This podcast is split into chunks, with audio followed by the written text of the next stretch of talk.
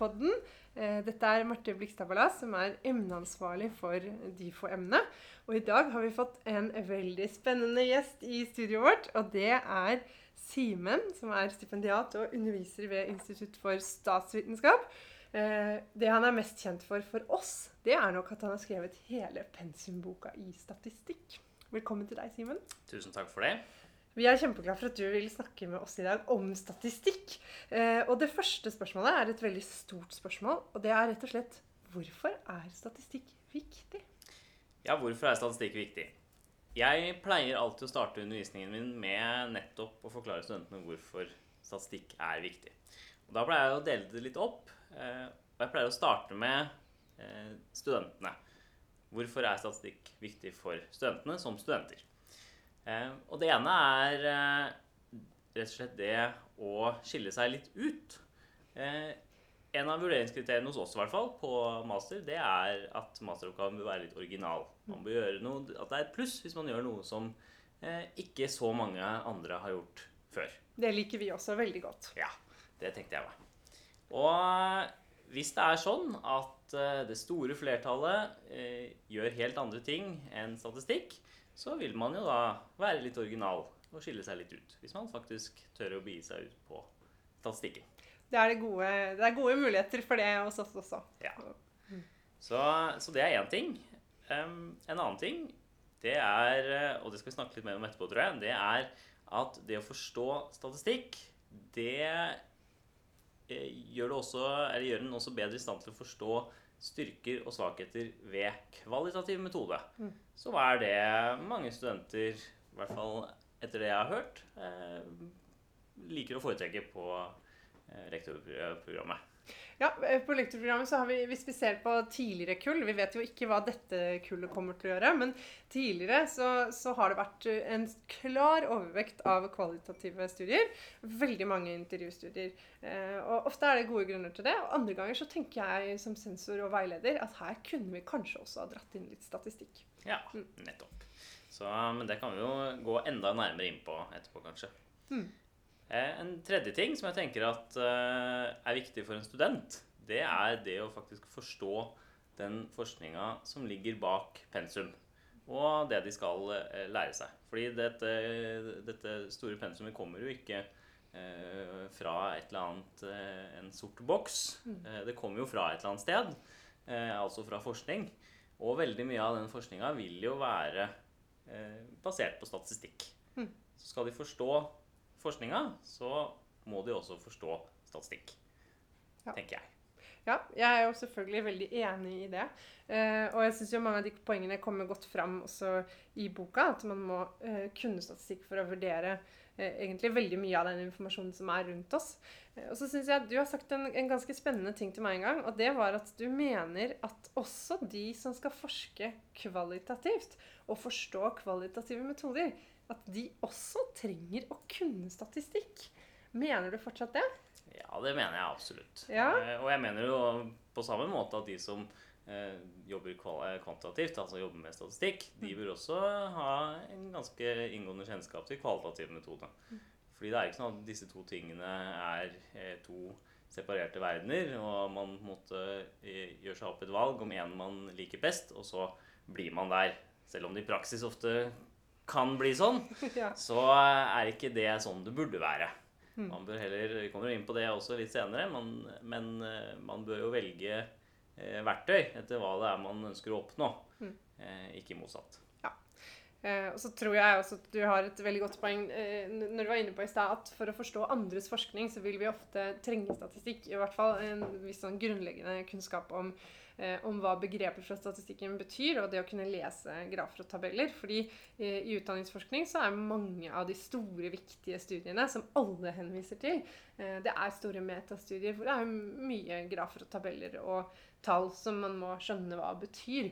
Eh, og det er jo en ting man er ansvarlig for også i masteren sin, hvis man henviser til noen og mener at, eh, at den forskningen bekrefter ditt poeng på et eller annet vis, eh, så er det viktig at man har lest den godt og skjønner hva eh, hva, hva, det betyr. Ikke bare hva det betyr, det som står der, men når man er enig i at de dataene som er i artikkelen, faktisk kan brukes til å trekke de slutningene som trekkes. Eh, det er vi jo veldig opptatt av i dette emnet. Men eh, jeg har et litt mer sånn praktisk spørsmål til deg òg. For jeg tror mange av masterstudentene våre de eh, er litt i tvil om, om, hva de skal gjøre. Det pleier å være mange som syns det er vanskelig å bestemme seg. Og hvordan vet jeg, hvis jeg er masterstudent, om forskningsspørsmålet mitt trenger statistikk for å bli besvart? Ja. Um, da må man jo se litt på hva er det man egentlig ønsker å finne ut av.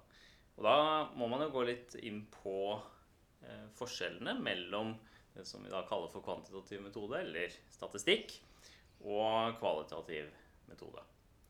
Eh, og en ting er Hvis det man ønsker å gjøre, er å si noe generelt om eh, ganske mange mennesker mm. Eller for så vidt ting, men for, eh, for eh, deres del så handler det ofte om elever eller studenter eller lærere som mennesker. Så ønsker man å si noe generelt om mange mennesker, så er på en måte statistikken veien å gå. Mm -hmm. Fordi det er veldig vanskelig å eh, si noe generelt om la oss si 1000 studenter mm. eh, hvis man dybdeintervjuer alle sammen. Ja, Det ville tatt veldig mange år. Ja, det ville tatt veldig mange år. Og ikke minst, det ville vært veldig vanskelig å tolke resultatene etterpå. For hvis du har, da sitter igjen med 1000 intervjuer, så er det veldig vanskelig å på en måte trekke ut essensen. Og det er en av styrkene til statistikken. Det er nettopp det at man kan eh, finne ett enkelt tall eller en enkel graf som på en måte kan si noe spesifikt om veldig mange. Mm. Så det er både dette med liksom detaljnivået som man ønsker å eh, sitte igjen med, eh, og om man ønsker å si noe generelt om veldig mange, det vi da i statistikken kaller for generalisering. Mm. Det er jo en av statistikkens eh, fordeler. Eh, jeg tror også eh, at en del utdanningsforskere, eh, i hvert fall jeg gjør det, fra tid irriterer meg litt over at jeg vet at det er nesten umulig for oss å få et, et statistisk representativt utvalg. Sånn at hvis jeg vil skrive en master eller gjøre et forskningsprosjekt som ikke skal ta altfor mange år, eh, og vil ha f.eks. elever, så er det vanskelig for meg å trekke elever sånn, på en sånn statistisk måte at de vil være et perfekt utvalg til å, å kunne være 100% generaliserbare data. Tenker du at man kan gjøre statistiske undersøkelser likevel? Eh, man kan gjøre det, men eh, da må man jo vite hva begrensningene i det man har gjort, er. Mm. Og nettopp eh, ved å lære statistikk, så lærer man jo det. Man kan Eh, det er ikke noe problem å f.eks. regne gjennomsnittskarakteren blant ti studenter. For eksempel. Men for å forstå hva det resultatet du får da faktisk kan brukes til, så må du eh, kunne litt statistikk. Mm. Nettopp for om vi kan bruke resultatene fra et lite utvalg til å si noe om alle sammen. Men det er jo på en måte den samme problemet man har i kvalitativ metode. At man undersøker som regel noen få eh, personer, da. Og så må man på en måte være klar over hvordan kan man bruke disse resultatene. Kan man si noe om eh, studenter generelt i Norge basert på intervju av ti studenter? Mm. For å svare på det så må man vite hva, så bør man kunne statistikk. Så Du sa at styrken er eh, på mange måter at, at, du kan stille de, Du har jo en viss sånn kvalitetssikring på at du still, faktisk stiller det samme spørsmålet til alle. ikke sant? Eh, mens hvis du hadde intervjuet, så kan spørsmålene endre seg litt, og de kan svare ulikt, og det blir vanskelig å sammenligne. Eh, hva vil du si er, er på en måte svakheten ved å gjøre eh, f.eks. en spørreundersøkelse med 1000 studenter kontra det å intervjue dem? Da er vi jo litt tilbake igjen på hva er egentlig forskningsspørsmålet. Mm. Hvis det du er interessert i, er på en måte forstå det vi ofte kaller for kanskje mekanismer, eller altså, hvordan elevene tenker, hva slags Eh, læringsstrategier bruker de f.eks., så vil det være vanskeligere å kunne avdekke med en, eh, med en, statistisk undersøkelse. Fordi du må på en måte formulere spørsmålene sånn at eh, man kan gi et relativt enkelt svar. Om ikke man bare setter et tall på det, så må det i hvert fall være eh, kanskje ett av fem alternativer, f.eks. Mm. Eh, og det gjør at man får en litt mer overfladisk kunnskap men samtidig så er man da sikrere på at eh, alle på en måte mener det samme. Hvis de svarer, eh, alle svarer alternativ A, så kan man i større grad være sikker på at alle faktisk mener alternativ A. Ja, I hvert fall hvis man har gode, veldig gode items og Eh, har, ja. og har eh, pilotert litt på forhånd. Ja, Det er vi også veldig opptatt av. at man, eh, vi, vi er litt sånn I eh, dette DIFO-emnet så er vi både veldig opptatt av at flere burde gjøre statistikk, men at man ikke må ta altfor lett på det med å, å stille sånne spørsmål som er ti spørsmål for å kledd som ett spørsmål og sånn, for da vil man jo få veldig ulike svar igjen. Um, ja, jeg har også et spørsmål. eh, og nå, nå glir vi over til sånn miniforelesning potensielt. Fordi jeg har noen begreper som jeg lurer på om du eh, kan klare å forklare oss litt sånn kort og uformelt. Også for de som ikke har lest hele boka di helt enda, men som selvfølgelig skal gjøre det. Eh, så jeg har noen begreper vi skal se på. Og det første er rett og slett begrepet enhet. For det er ganske viktig hvis man skal gjøre statistikk. Ja. Eh, jeg ville jo foretrukket å ta det i en litt annen rekkefølge. Ja, men da skal du få lov til det. Kanskje jeg skal gjøre det. Gjør det. For da, eh, for som eh, det lille jeg kan om pedagogikk, så er en av de tingene jeg har lært meg at man på en måte eh, forstå noen grunnkonsepter før man Mm. går videre. Og jeg liker å heller starte med eh, det store. Mm. Eh, og da si at man f.eks. ønsker å si eh, at man skal undersøke alle elever i videregående skole i Norge. Ok. Da er alle elever i videregående skole i Norge de er da det vi kaller for populasjonen. Mm. Så det er der jeg da ønsker å starte. Ja. Og det er med andre ord, I en undersøkelse så er det alle man ønsker å si noe om. Det er populasjonen. Så mm, hvis man som lærer ønsker å eh, undersøke sin egen klasse, så ville da sin egen, ville klassen vært populasjonen. Mm. Så det handler om hvem er det man ønsker å si noe om. Ja, og det et, eh, akkurat det tror jeg er et veldig godt poeng. At hvis det er en klasse, og man har tenkt å gjøre en veldig liten eh, spørreundersøkelse bare for å sjekke forhold internt i klassen, så har du faktisk mulighet til å nå hele populasjonen, fordi det er bare de som er med i klassen. Ja, det tenker jeg er et viktig poeng for de som, eh, som skal ha spørreundersøkelser som sekundærdata, f.eks. i kombinasjon med observasjoner eller andre. Mm, Ja, ja. mm. Og det kommer jo også inn på dette med generalisering i stad. Hvis du da undersøker den ene klassen, så er jo da egentlig kanskje da er det denne klassen som er populasjonen din. Mm. Da kan du ikke nødvendigvis si noe om andre populasjoner. Altså andre klasser, eller eh, alle klasser i Norge generelt. Det blir noe annet. Ja, absolutt. Ja.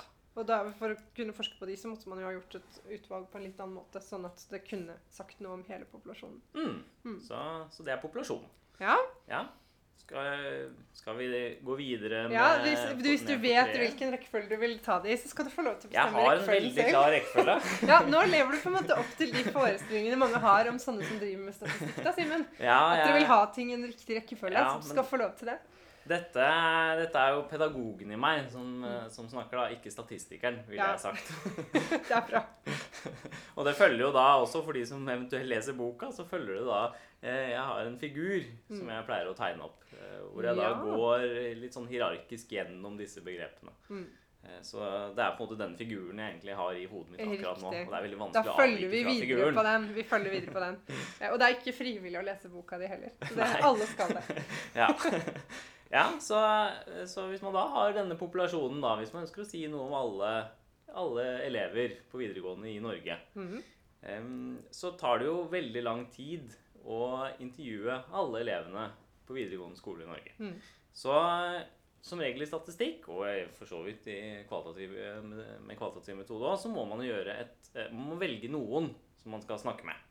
Eh, Og de man velger å snakke med, det kaller vi da for utvalget. Ja. Så det er de vi faktisk undersøker eller intervjuer. Mm. Ja. Um, og utvalget, det består igjen, og da kommer vi til det første begrepet du nevnte. Ja, disse Da- enhetene. Ja, disse enhetene. Mm. Eh, alle personene som du snakker med, de er enheter. Så i utvalget ditt så har du, hvis du f.eks. har spurt eller snakket med 50 elever, mm. så er utvalg, eller enhetene dine, det er da eh, elever. Mm. Mm. Og alle disse elevene, de kan eh, ha noen felles egenskaper. Ja. Og disse egenskapene, de, eh, de kaller vi for variabler. Mhm. Og variabler, det, de er felles for alle enhetene. Betyr at alle enhetene har disse variablene. Det kan f.eks. være karakterer. Ja. Alle elevene i en klasse har en eller annen karakter. Eh, eller det kan være en eller annen form for måloppnåelse. Eller det kunne vært kjønn, Ja. for. Så det er felles. Alle har et kjønn, alle har, eh, alle har en karakter. Mm. Og til slutt, i dette hierarkiet mitt, Helt nederst. helt Ja. så dukker det opp de individuelle eh, kjennetegnene på disse egenskapene eller variablene. Mm. Altså, en elev kan ha f.eks. karakteren 5. Ja. Og da er 5 det er da verdien til denne enheten mm. på variabelen karakter. Mm. Så da har du på en måte populasjon, utvalg, enhet, variabel og verdi. Hvor mye må du vite om sam... Dette er et kjempevanskelig spørsmål, så da er du advart. Men hvor mye må du vite om sammenhengen mellom populasjonen og utvalget ditt? Altså hvis, hvis jeg vil gjøre f.eks. en spørreundersøkelse for å finne ut mer om, eh, om, om eh, norske elever på videregående føler at de får gode tilbakemeldinger når de har hatt en heldagsprøve i f.eks. matematikk. Da må jeg jo ha noen elever som er på videregående skole, og som har heldagsprøver i matematikk, og som har fått tilbakemeldinger. Og så kan jeg lage en slags spørreundersøkelse eh, hvor jeg spør om det. Men hvor mye må jeg vite om eh, på en måte sammenhengen mellom alle elever og det utvalget? Det tror jeg er ganske vanskelig for mange. Ja, nå er jeg ikke helt sikker på hva du spør om. Nei, jeg spør om eh, Fordi hvis vi, hvis vi tenker oss at eh, vi har noen eh, store internasjonale undersøkelser som har statistiske representative utvalg. Da, det er jo det man har også f.eks. i en valgdagsmåling. Da vet vi at de som er med i utvalget, kan speile hele populasjonen og predikere hva som ville skjedd hvis vi hadde spurt hele populasjonen. ikke sant? Mm. Eh, og det jeg lurer på er, hvis, hvis man har tenkt å gjøre en eh, spørreundersøkelse blant elever f.eks., eh, hvor mye må du vite om eh, sammenhengen mellom de elevene du velger og alle elever? For det er jo veldig vanskelig å vite noe om. Ja, altså eh, Hvis jeg skal eh, formulere spørsmålet som jeg skjønner det, Ja. hvorvidt vi kan vite om utvalget er representativt Egentlig, eller ja. Ja. Ja. Eh, mitt svar på det vil være at eh, du kan egentlig aldri vite at utvalget ditt er representativt. Mm. Men du kan eh, øke Du kan gjøre noen tiltak for å øke sannsynligheten for at det er representativt. Mm. Eh, og det er, er jo det som handler om hvordan man velger ut disse personene.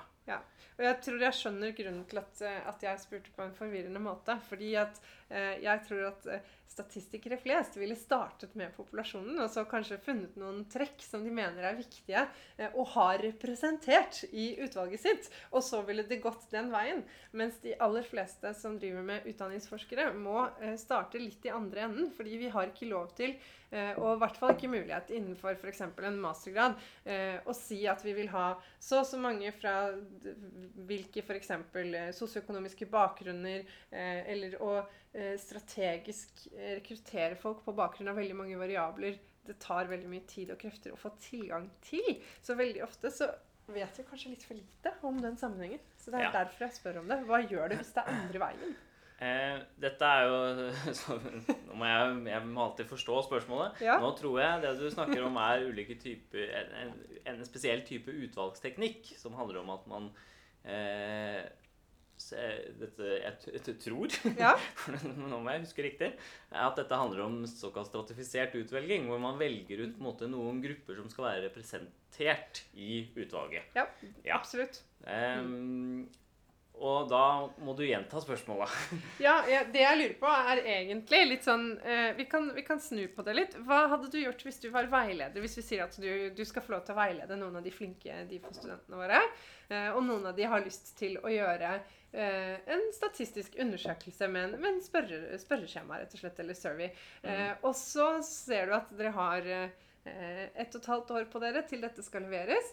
Og at det må samles inn data relativt raskt. Og at du kan bare gi opp og si eh, nøyaktig hvordan du Altså du kan ikke lage en veldig lang liste med utvalgskriterier for alle de elevene du vil rekruttere. fordi eh, hvis dette hadde vært en stor internasjonal undersøkelse, så ville vi f.eks. gjort sånn som i eh, noen av de store undersøkelsene vi har på utdanning, hvor man trekker elever uavhengig av hvilken skole de går på, f.eks. Så du vil ha mange forskjellige typer elever, og kanskje også stratifisert uh, utvalg. Mens her vil vi ofte bare rett og slett kunne få et litt stort antall elever som sier ja til å være med på spørreundersøkelsen vår. Hva tenker du at vi må gjøre da for å komme best mulig i havn og få mest mulig gode data ut av det? Ja, eh, Da tenker jeg at eh, da er omstendighetene sånn som de er. Og akkurat det får du ikke gjort noe med, for det Nei. krever tid eller ressurser. Eh, det man må gjøre da, det er å være åpen om eh, opplegget man har gjennomført. Man må si og peke på hmm. nettopp disse svakhetene. Fordi det studenten, det som, altså studentene kan da ikke være sikre på om eh, hvorvidt de på en måte har et representativt utvalg eller ikke. Mm. Eh, og da må det rett og slett komme frem i eh, der de redegjør for det opplegget de har gjennomført for kanskje det metodedelen. Mm. Eh, det er i hvert fall det vi det er et smart sted å ta pleier å kalle det, si. ja. i, i statsvitenskap. Mm. Da, så det handler egentlig bare om å spille med åpne kort ja. og si at dette er det beste jeg fikk til innenfor de rammene jeg hadde, men jeg er klar over at mm. det er en svakhet. Man må tolke resultatene i lys av det. Ja. Jeg tenker også at det sikkert er lurt å ta med eh, altså så mye kontekstuell informasjon som du har. Sånn hvis du vet at du har noen små skoler og noen store skoler og eh, jeg vet ikke, relativt lik kjønnsbalanse blant elevene som det det er i skolen. Altså hvis du har noen sånne ting som, som du tenker kan være relevante, eh, og at du har gjort det du kan for at det skal kunne være representativt, eh, så går det an å si det, samtidig som man understreker at det faktisk ikke er det. At vi ikke kan vite at det er det. Ja, det høres ut som et, et godt poeng. Jeg tenker at uh, For en masteroppgave òg, så er jo veldig mye handler En ting er å si noe interessant om verden. Noe annet er at en masteroppgave er jo uh, studentens mulighet til å lære dette håndverket, som uh, statistikk er. Og da lærer man minst like godt av å kunne peke på svakheter ved eget opplegg som om man har et, et tilsynelatende perfekt opplegg eller utvalg. Ja, og det, det, er en ting vi er veldig opptatt av i dette emnet også. At uh, vi setter enormt stor pris på studenter som i masteren sin selv peker på alle svakhetene, for da slipper vi som sensorer å gjøre det. Uh, og det er jo også mye av det forskere gjør. Altså å selv peke på, på hva som er de svakeste punktene. Mm. Så tror jeg at uh, en slags trøst da, for de som eventuelt velger å gjøre sånne statistiske undersøkelser med et utvalg som ikke er helt perfekt, uh, det er at de uh, har sannsynligvis likevel langt tydeligere utvalgskriterier enn de aller fleste kvalitative studier har. Mm. Ja. Det er jo noe av det som man også kan trekke frem som en av fordelene med kvantitative metoder. Det er at man må på en måte mer eksplisitt vise, eller i hvert fall det er ikke alle som viser det, men man må i hvert fall eh, definere litt mer hva er det man egentlig skal gjøre for noe. Mm. Eh, man kan ikke bare skrive eh, en tekst, på en måte. Det er ikke da man kan det i kvalitativ metode heller. Eh, men i statistikk så må du på en måte komme med noen litt mer eksplisitte eh, formuleringer eller krav. Man må tallfeste ting. Man må si hva er det man egentlig skal måle. Mm. Og det gjør det litt eh, Det gjør det gjennomsiktig hvis man velger å i hvert fall vise det frem, da. Mm. Ja, og det bør man jo. Absolutt. Ja.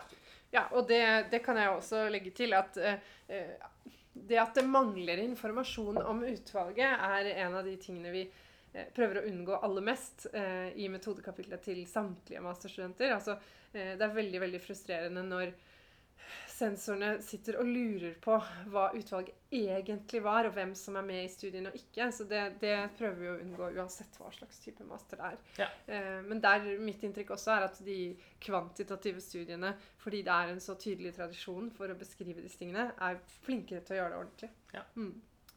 Eh, jeg har med et, eh, et, siste spørsmål, som kanskje er litt vanskelig for deg som ikke er sånn så inne i utdanningsforskning. Men vi skal prøve oss, og så eh, i verste fall så skal jeg svare litt på det selv også. Men jeg syns jo at det er ekstremt viktig at lærere kan statistikk. Jeg mener jo egentlig at alle burde kunne det. Jeg vet også at mange statistikere er bekymret over at det de kaller statistical literacy går ned. Altså evnen til å skjønne statistikk i hverdagen. At den er litt for lav. Ja. ja. Eh, for eh, lærere sin del så tenker jeg at man har jo bl.a. Eh, denne elevundersøkelsen ja. og, og PISA-undersøkelsen. Mm. Begge deler som er statistiske analyser, som er veldig relevante for lærere.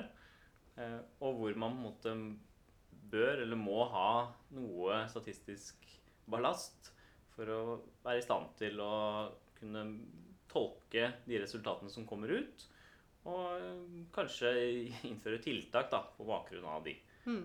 Så uh, umiddelbart så tenker jeg på en måte at for, for lærere så er jo, er jo, det veldig viktig. Det er veldig få uh, yrkesgrupper som er så heldige å få uh, servert en statistisk analyse av enten sin egen klasse eller i beste fall, eller, eller i hvert fall skolen, mm. med jevne mellomrom. Så lærere bør jo da settes i stand til å faktisk kunne utnytte denne gullgruva av uh, ja. data som kommer rennende inn hvert år. Jeg vet ikke om alle norske lærere tenker på det som en slags gullgruve som kommer, men, men du mener det kunne vært det? Ja, jeg tenker ja. det. at uh, der, Da får man i hvert fall uh, tall som man kan altså, Det kan jo hende kvaliteten på det er problematisk. Jeg skal ikke gå inn i en diskusjon om om kvaliteten på PISA eller elevundersøkelsen. Jeg kjenner ikke så godt til akkurat de undersøkelsene. Nei, jeg kan jeg, si veldig ja. kort at uh, PISA-undersøkelsene har uh, nok bedre kvalitet blant, altså, Jeg tror de fleste statistikere også vil være enig i at PISA-undersøkelsen er bedre håndverk enn eh, enn elevundersøkelsen. Fordi elevundersøkelsen Dette skal vi faktisk jobbe litt med i dette emnet òg. Elevundersøkelsen har noen spørsmål eller items hvor det er litt uklart hvilken del av undervisningen det er snakk om. Sånn at hvis man har et spørsmål av typen eh, 'Læreren klarer ofte å ha det rolig i klassen', eller tilsvarende, så er det et problem hvis du har en engelsklærer som er verdens beste klasseleder, og alt er bare ro og orden og fantastisk arbeidsforhold,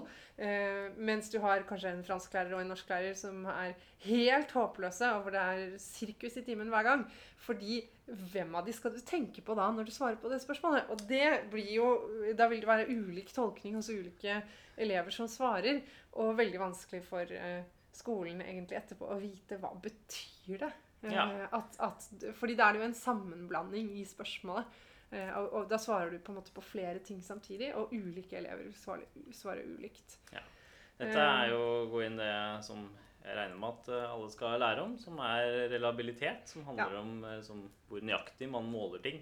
Og dette er jo et typisk eksempel på eh, en undersøkelse hvor man kan forvente lav relabilitet. Altså ja. hvor man får målefeil, fordi elevene tolker spørsmålet forskjellig. Ja, Og det gjelder heldigvis ikke alle spørsmålene Nei. i elevundersøkelsen, men det er et par item vi pleier å vise fram og si se på dette. Hvorfor er dette et problem? Mens i PISA så er det andre ting som er problematiske, mer knytta til eh, om resultatene faktisk sier noe viktig om norsk skole, eller eh, om, om, de på en måte måler norsk læreplan, osv. Ja. Eh, men det, selve undersøkelsen og sånn håndverket i den tror jeg nok eh, de fleste kan leve godt med. Ja, mm. Men da tenker jeg at da, dette er jo veldig gode eksempler på eh, nettopp for å være kritisk. Mm Eh, til eh, disse undersøkelsene og vite hva er det man egentlig kan trekke ut av de. Eh, så må man kunne litt statistikk. Ja, absolutt. Man bør kjenne til reliabilitet mm. eller f.eks. validitet. Ja. Og det er jo da veldig relevant for nettopp lærere. Absolutt. Som får disse resultatene da servert. Ja, det gjør de. og ja, det tenker jeg også er kjempeviktig. Og så syns jeg selv at det er eh, veldig viktig å huske på at med de eh, læreplanene vi har eh, nå, både de vi eh, har hatt og de kommende, så vet vi at eh, regning regnes som eh, grunnleggende ferdighet.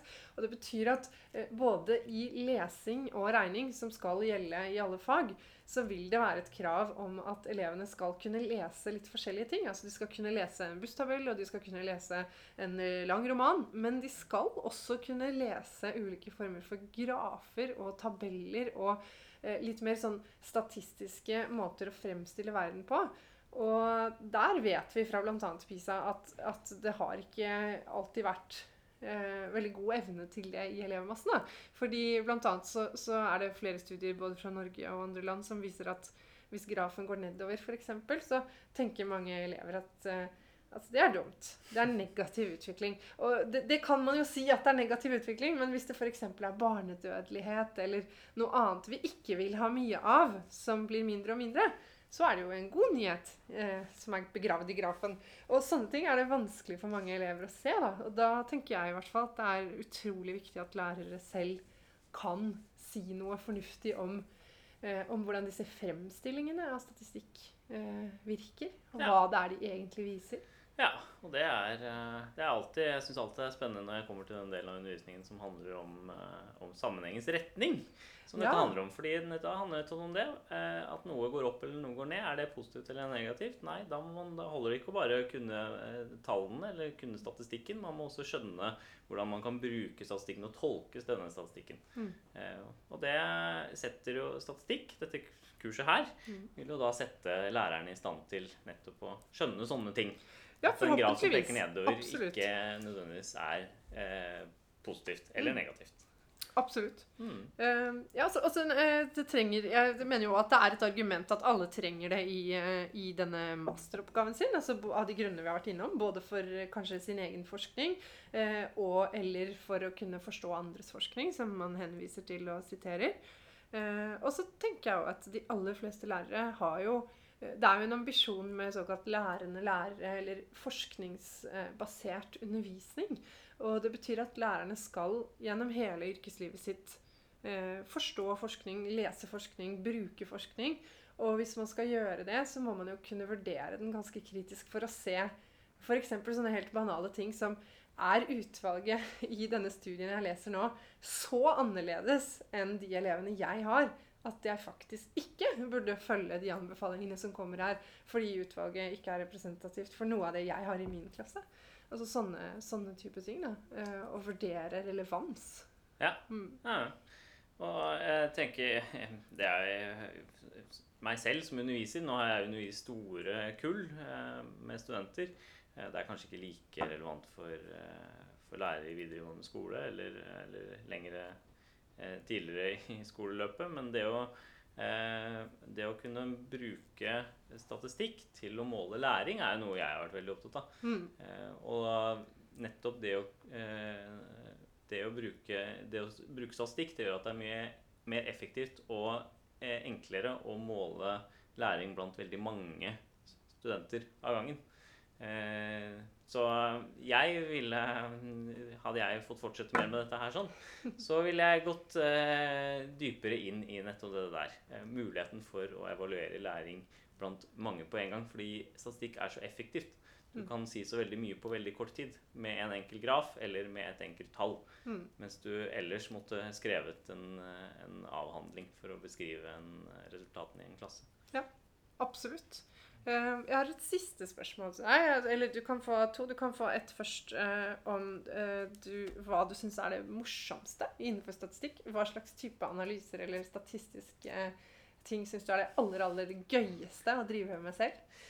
Ja, altså Min favoritt er jo Ja. eh, regresjonsanalyse. Oi, oi, oi! Ja, Kan du si veldig kort hva det er, og hvorfor det er så gøy?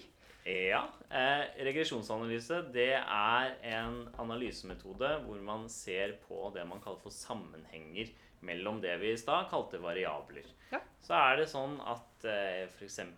jenter får bedre karakterer enn gutter, f.eks. Det er det i mange fag, ja. Det er det i mange fag. Mm. Eh, ikke nødvendigvis i alle, kanskje, men det er jo nettopp det en regresjonsanalyse kunne gitt oss svar på. Den kunne også sagt i hvilke fag er det jenter gjør det bedre enn gutter, f.eks. Mm.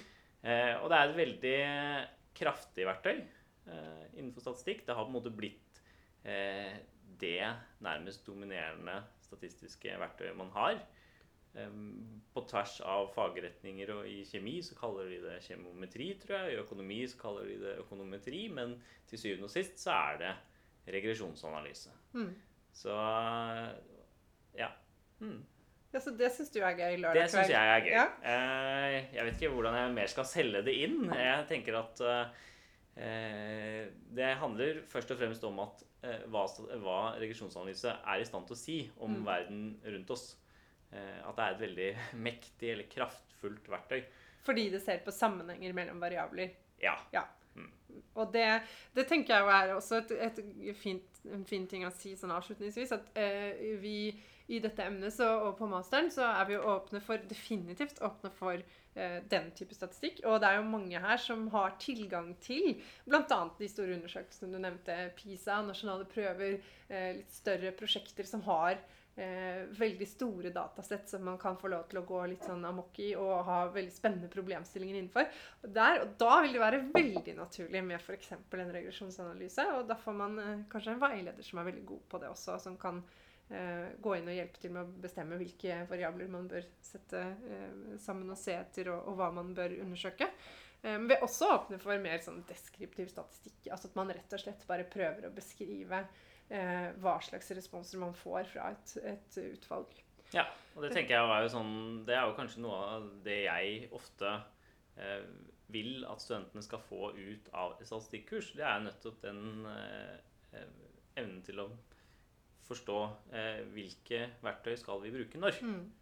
Det er ikke alltid regresjonsanalyse passer. Kanskje må man holde det med et søylediagram. Ja. Men det må man jo sette seg i stand til å kunne vurdere.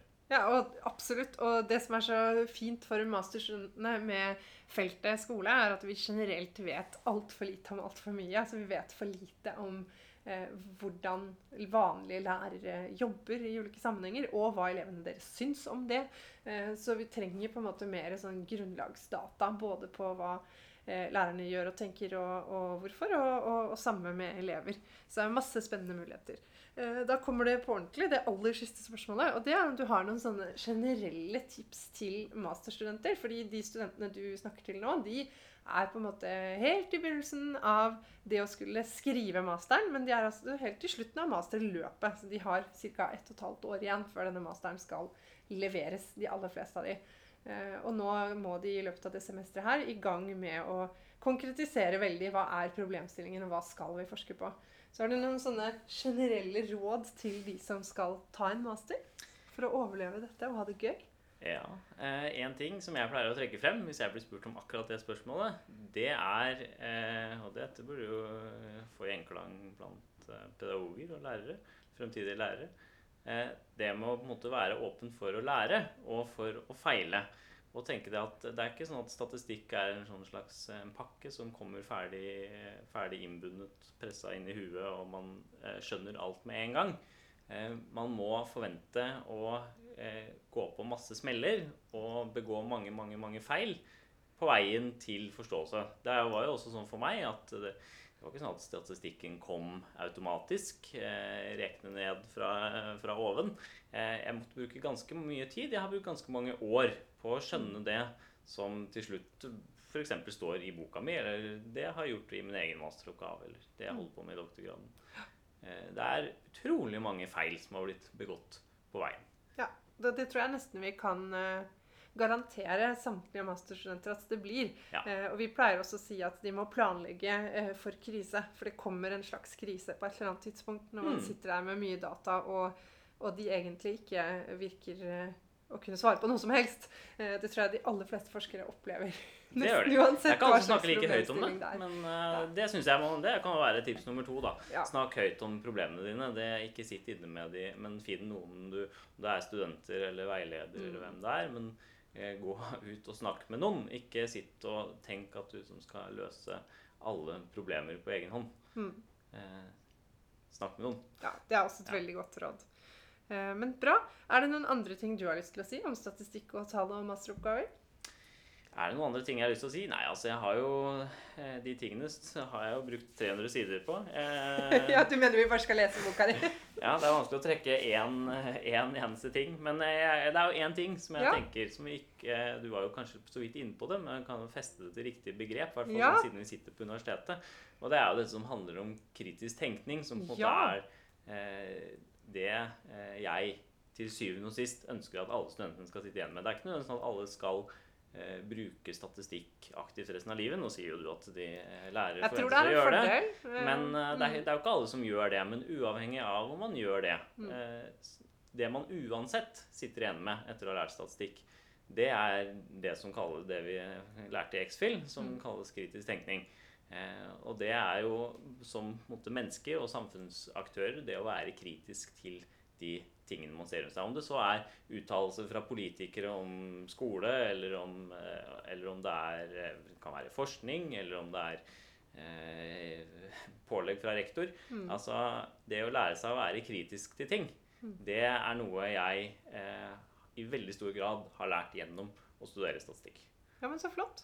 Det, vi er kjempeglade for at du kunne komme, Simen. Og vi eh, håper selvfølgelig at alle eh, syns det er kjempegøy å lese om statistikk, og at enda flere enn tidligere skriver masteroppgaver med statistiske data. Det tror jeg kommer til å bli kjempebra. Eh, og det er det stort behov for i uh, utdanningssektoren. Så, Mm. men kjempefint. Tusen takk for at du kom. Veldig hyggelig å få komme.